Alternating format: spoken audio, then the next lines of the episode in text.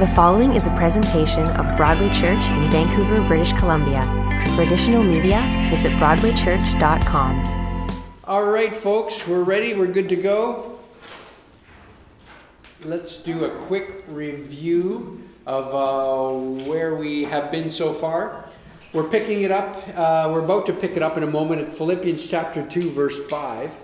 But uh, let's do a quick review about how we got to Philippians 2, verse 5. We're studying the book of Philippians verse by verse. Paul founded this church after he had a vision when he was in Troas, which is sort of a west coast of Asia city.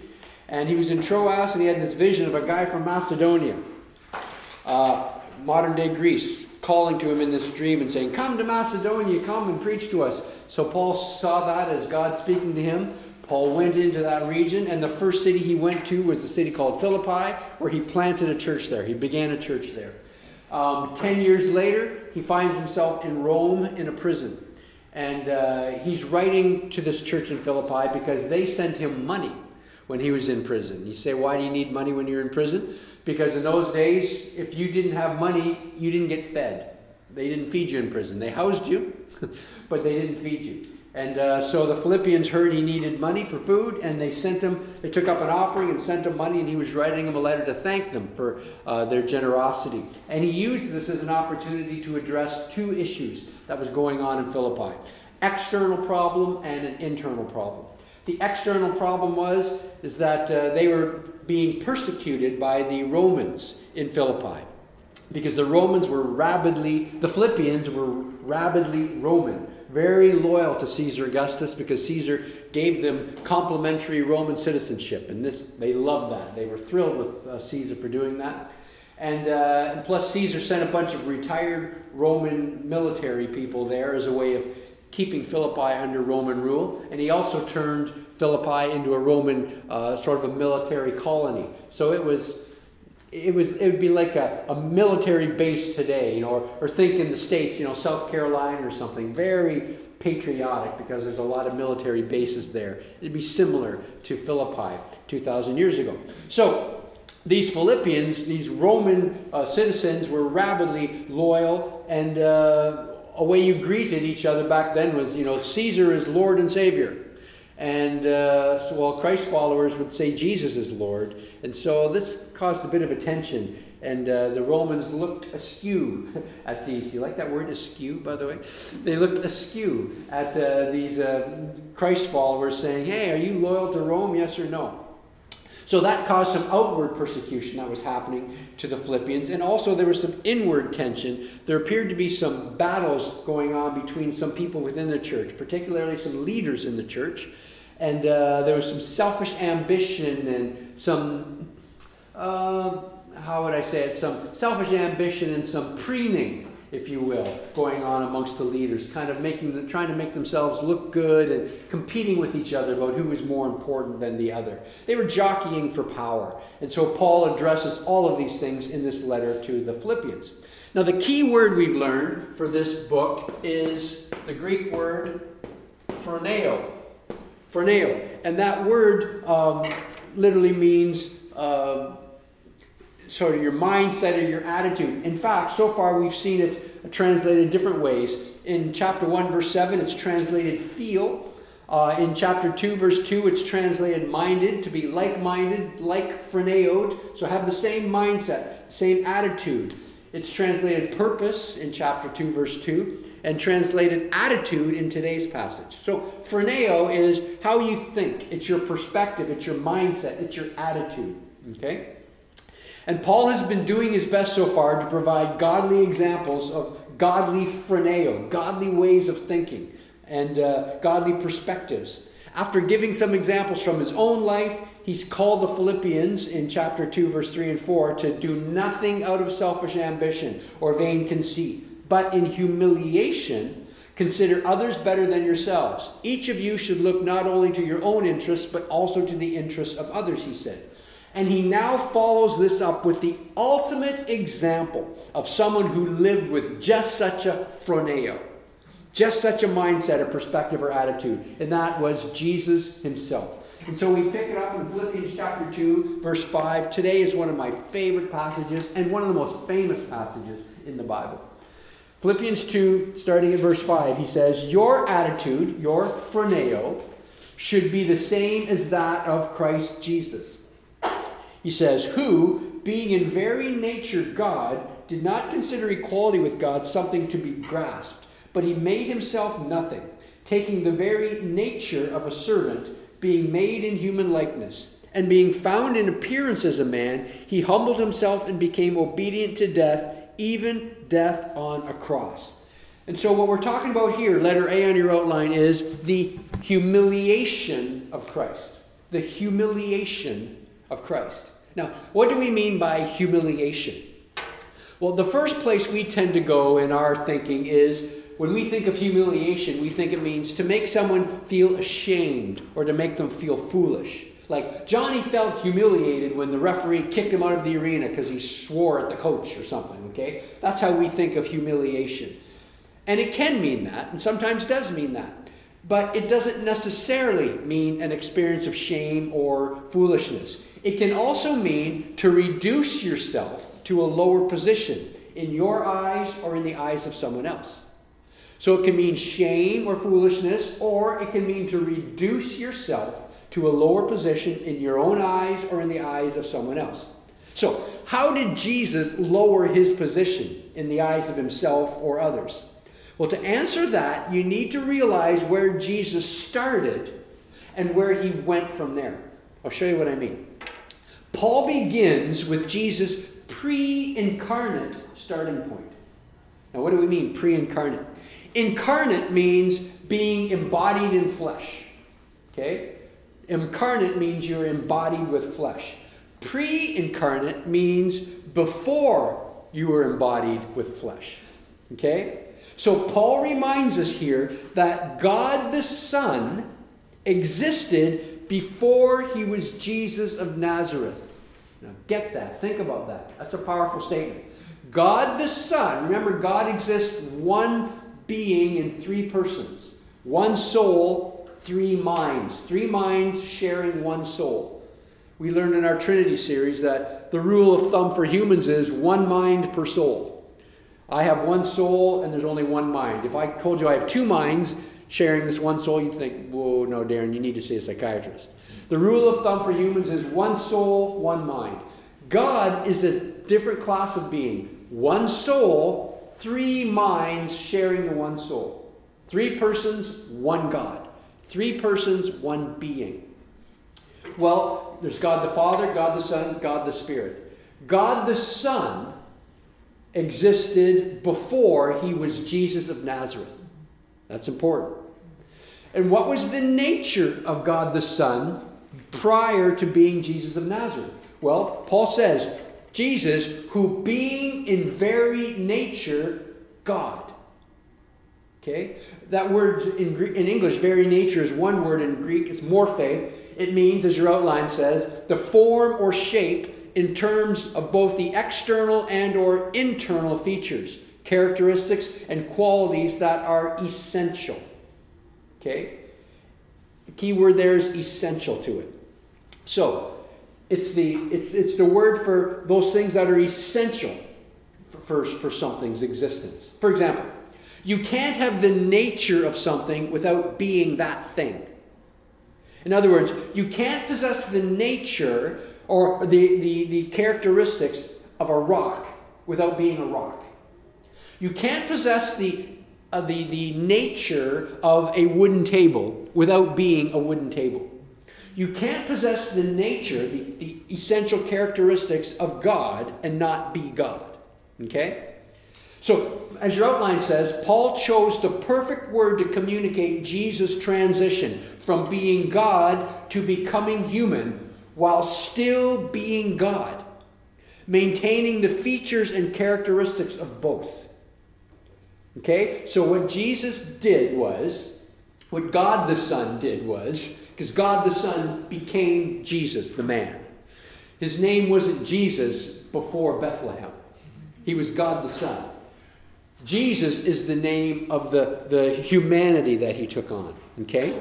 So, Paul chose the perfect word to communicate Jesus' transition from being God to becoming human while still being God, maintaining the features and characteristics of both. So, think of it in these terms. Okay, here's my, my left fist here, and that's, that's the, the nature of God. Okay, so God the Son added, now my right hand is covering my left fist, he added the characteristics of humanity, okay, to the divine characteristics that he already possessed.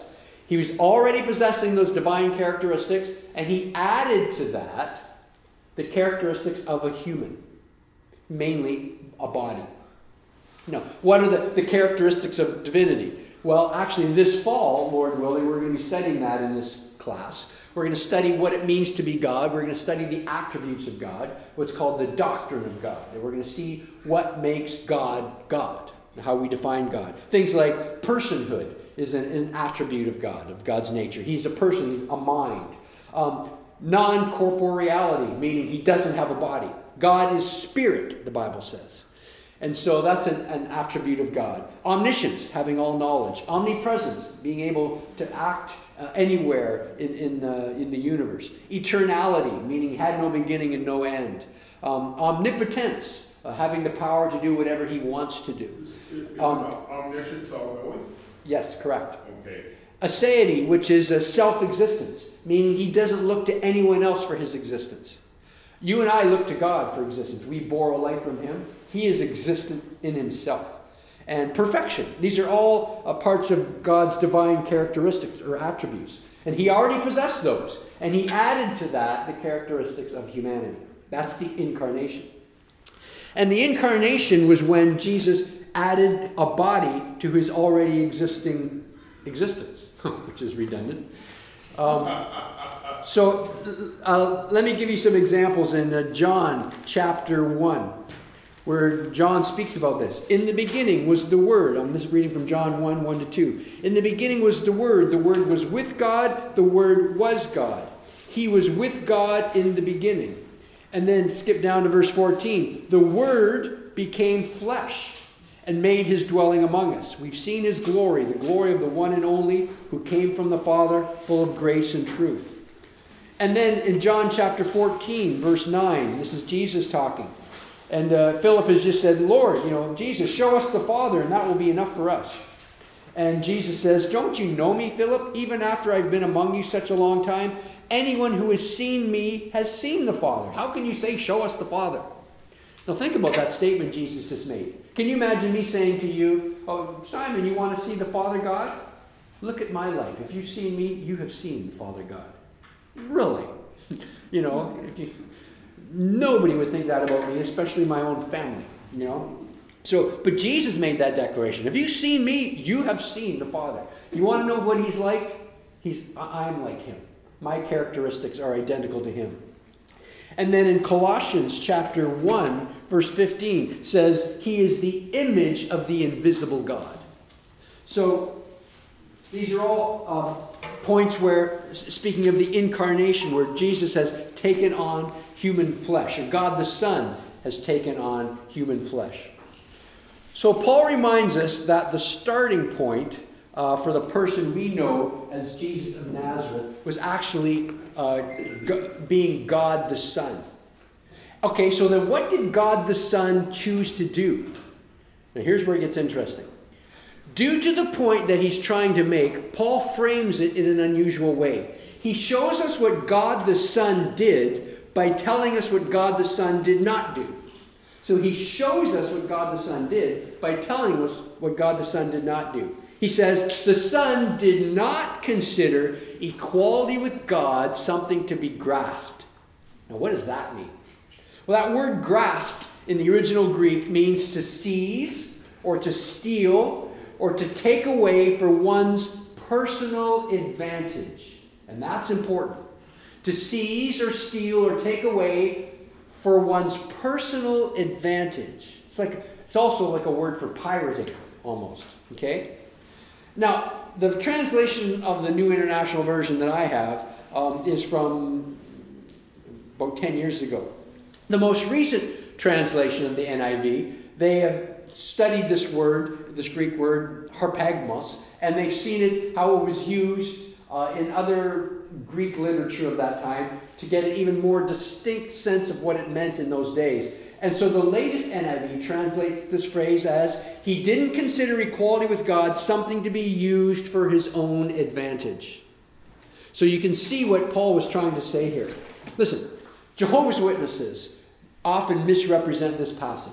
And they'll use it to say that Jesus was saying that he didn't claim to be God.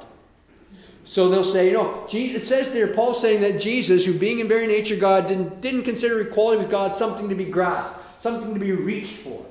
Okay? Well, that's not at all what Paul's saying. Besides, if that was what Paul is saying, it would hardly make Paul's point. According to the Jehovah's Witness view, Paul is saying you should be humble like Jesus. How humble was Jesus? Jesus was so humble, he didn't claim to be God. Really? Seriously? That's a pretty low bar for humility, you know. You're humble if you don't claim to be God. That's not at all what Jesus was saying. As your outline says, Paul, that's not all what Paul is saying. Paul is not saying Jesus didn't try to be God because Paul just stated that Jesus already existed as God. Paul is saying Jesus did not think that he needed to take advantage of his equality with God. See the difference? That's crucial. Paul is saying Jesus didn't think he needed to take advantage of his equality with God. And that fits perfectly with the context here. So let's review. Paul is holding Jesus of Nazareth up as an example of an attitude, a mindset, a phroneo of humility for all to follow. What did Jesus do that's so noteworthy? Jesus pre existed as God the Son. Jesus pre existed having the very attributes of divinity. Jesus pre existed with all the rights that come with being divine. For example, the right to be worshiped. However, Jesus didn't think he needed to take advantage of this reality. Instead, Paul said, he made himself nothing. And that made himself nothing is one Greek word. It means to empty or to deprive of content, to pour out. Well, what did he empty? What did he deprive of content? What did he pour out? Well, he didn't empty himself of his divine attributes, meaning he didn't stop being God. He couldn't stop being God. He, you can't stop being who you are. You can't empty yourself of your essential nature. As your outline says, Paul is saying that God is not a being that is seeking to acquire things. He's not about grasping and seizing like someone who's filled with selfish ambition or vainglory. Rather, God is all about self giving for the sake of others. He's all about self giving for the sake of others. He's not about grasping or seizing things, he's about giving taking the very nature of a servant, Paul said, being made in human likeness. That word servant literally means a slave. A slave. And the word likeness means a thing made like something else. Again, this is a unique word that Paul chose here. And as your outline says, this word that he chose fits perfectly. It communicates the reality um, that in becoming human, Christ didn't cease to be divine. So he was like us, and this is crucial. He was like us, he was truly human, but he was not merely human. You say, now what's the difference? It's an essential difference. He was truly human, but he wasn't merely human. Now, what's the difference between truly and merely? Truly means genuinely, precisely, or honestly truly means he was genuinely human. He was precisely, he was human. He was honestly human. So Jesus was truly human. He wasn't some half God, half human. He wasn't some superhuman who had a body that looked human but was like, you know, Superman where was uh, could stop bullets or something. He was truly human. Okay? But he wasn't merely human. Merely means solely, or just that and no more. So merely means solely, or just that and no more. In other words, so Jesus was truly human. Yes, he was human like you and I, but he was more than human. He was human, but he was God as well. He was truly human, but he wasn't merely human. He was more than just human. So let's review. Paul is holding Jesus of Nazareth up as an example of an attitude, a mindset, a phroneo of humility for all to follow. What did Jesus do that was noteworthy? He pre existed as God the Son. He pre existed having the nature of divinity. Uh, he pre existed with all the rights and privileges that come with being divine. But he didn't think that he needed to take advantage of that reality. Instead, Jesus chose to add the experience of the limitations of humanity to himself. But not just any human. He chose to add the experience of taking on the nature of a servant, a slave. And not only did he become a human servant or a human slave, he was also willing to die on behalf of others. But not just any death. He was willing to die in a shameful and humiliating, and this time we do mean it in a negative way, a humiliating negative death. Paul says, and being found in appearance as a man, this is verse 8, he humbled himself and became obedient to death, even death on a cross. A cross was the most humiliating death that uh, they could think of in the Roman world in the first century. It was a shameful, humiliating death, a torturing death. But let me ask you this Who do we tend to look to to follow as examples in our world today? I mean, who do we seek to emulate when it comes to living out what it means to be successful in our world? Celebrities who fawn over themselves, you know, sports figures who like to wear gold chains and, you know, drive fancy cars and so on people who make it their goal to be seen and recognized and followed, right? Well, Paul holds up one who humbled himself. Paul holds up one who did nothing out of selfish ambition or vain conceit, but in humiliation considered others better than himself. Paul holds up someone who did not look only to his own interests, but also to the interests of others. Paul holds up someone and he says we should have the same phroneo, the same attitude, the same mindset as them. So here's a question. So, whatever came of Jesus' decision? I mean, what was the end result of Christ's humiliation? What did it accomplish? Where did his chosen pathway lead? And was this a choice that God the Father endorsed? We'll keep reading, verse 9 to 11. Therefore, since Jesus did this, God, remember we learned in the Trinity series, whenever you read God in the New Testament, 99 out of 100 times it's referring to God the Father.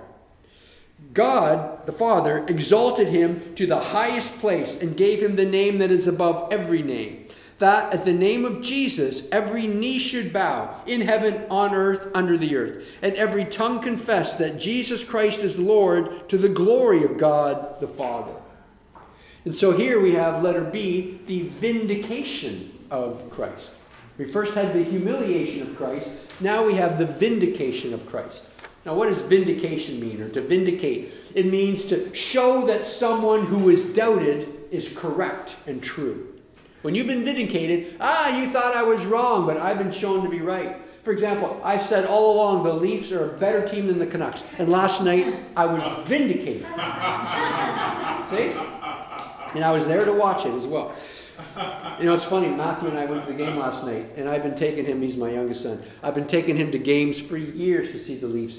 And as we got home, we realized that is the first time him and I have been at a Leaf game and saw them win. I mean, we've watched them on TV and seen them win, but it's the first time we've been there live and actually saw them win. You know, like wearing your Leafs jersey, walking up. Yeah, he had his Kessel jersey. Yeah, yeah. That's awesome. We were vindicated. Okay, so here's the vindication of Christ. It says, Therefore, God exalted him to the highest place and gave him the name that is above every name. So, what does this mean? What does the term the name mean? It's like in Proverbs 18:10 says, "The name of the Lord is a strong tower; the righteous run to it, to the name of the Lord, and they're safe." So, as your outline says, the name echoes the Old Testament phrase that refers to God's character. When you see that phrase, the name, it's referring to God's character. His holiness, his strength, the, the attributes of God, the character of God. And so, as your outline says, number two, Jesus is recognized as God who took on flesh by giving him the name that is above every name. So Jesus is vindicated. He's recognized as the God who took on flesh. And he's vindicated by the Father giving Jesus, the Son, the name that is above every name. And this is done by giving him the title Lord. Now remember, again, if you were with us for the Trinity series, Lord, often you'll see in your Bibles, I'll bet you the word Lord is often in large, all capital letters. Whenever you see that, here's the history behind that. In the Old Testament, they had um, the uh, Tetragrammaton, it's called. Um, and uh, that's the, the name of the Lord, the name for God. In Hebrew, they, they didn't have vowels, okay? And so they just had those three letters, Y, H, W, in English uh, letters. And we didn't know what, they didn't know what was in between them. They didn't know how it was pronounced. One of the reasons they didn't know how it was pronounced is because they would never pronounce the name because they didn't want to use God's name in vain. So they would just call it the name. So it's either Yahweh or Jehovah depending on which rule of thought you follow, okay? So in the Old Testament, that's that the Tetragrammaton was called. So what they did was in the Hebrew writing, they would exchange it. You know, whenever you're reading scripture and, and that word, the name of the Lord came up, they wouldn't just go silent. They had to say something. So they would say Adonai, which is the Hebrew word for Lord. Okay. Well, then they translated the Old Testament into Greek called the Septuagint. Septuagint was, is, means 70 because there were 70 Hebrew scholars who translated it. And whenever they came across Adonai, this name, Yahweh or Jehovah, the name of the Lord, the Septuagint would translate it into Greek, which was Kyrios, which is the Greek word for Lord. Okay? But the translators, whenever they translate it now into English, they translated L O R D, all capital letters, as a way of signifying what we're translating is Yahweh or Jehovah. Okay? So you following that? So, what we've got here is, is that Jesus has been given the name Lord or Adonai or Yahweh Jehovah. Okay? And you see that we, when you listen back to our Trinity study, we gave the example in Romans there where uh, Paul literally takes a passage out of Isaiah 28 16 and, and he applies it. It was, it was a passage about God and he applies it to Jesus. Um, and let me read from Isaiah 45, Isaiah 45, 18 to 24, and listen to what Paul just did in Philippians here. Isaiah 45, 18 to 24 says this For this is what the Lord, that's all capital L O R D, what the Lord says He who created the heavens, He is God. He who fashioned and made the earth, he founded it. He didn't create it to be empty, but formed it to be inhabited. He says, I am the Lord, again, capital L O R D, and there is no other. I have not spoken in secret from somewhere in a land of darkness. I have not said to Jacob's descendants, that's Israel, seek me in vain. No, I, the Lord, speak the truth. I declare what is right. Gather together and come. Assemble, you fugitives from the nations. Ignorant are those who carry about idols of wood, who pray to gods that can't save. Declare what is to be. Present it. Let them take counsel together. Who foretold this long ago? Who declared it from the distant past? Was it not I, the Lord, capital L O R D? And there is no God apart from me, a righteous God and a Savior. There's none but me. Turn to me and be saved, all you ends of the earth. For I am God, and there's no other. By myself I've sworn. My mouth has uttered in all integrity a word that will not be revoked. Before me every knee will bow let me, by me every tongue will swear or confess. They will say of me, in the Lord alone are righteousness and strength. Okay? So you can see Paul has taken that passage about God and applied it to Jesus. He says that at the name of Jesus, every knee should bow in heaven, on earth, and under the earth, and every tongue should swear or confess that Jesus Christ is Lord to the glory of God the Father. So, as your outline says, Paul lifts an Old Testament passage that refers to Yahweh alone as Israel's Savior, and he applies it to Jesus. Again, another powerful example of the divinity of Christ in the New Testament. So, let's sum up. Why did Paul write this passage? Okay? Sometimes we, you know, we forget that that you know, Paul wasn't just wasn't just these random thoughts he was writing down. He had a purpose here. Why did he write this passage? Well, three main reasons, perhaps. Number one, to focus upon Christ and point to him as the ultimate model of the self-sacrificing love to which Paul is calling the Philippians. He's, he's called the Philippians to not live for selfish ambition or vainglory.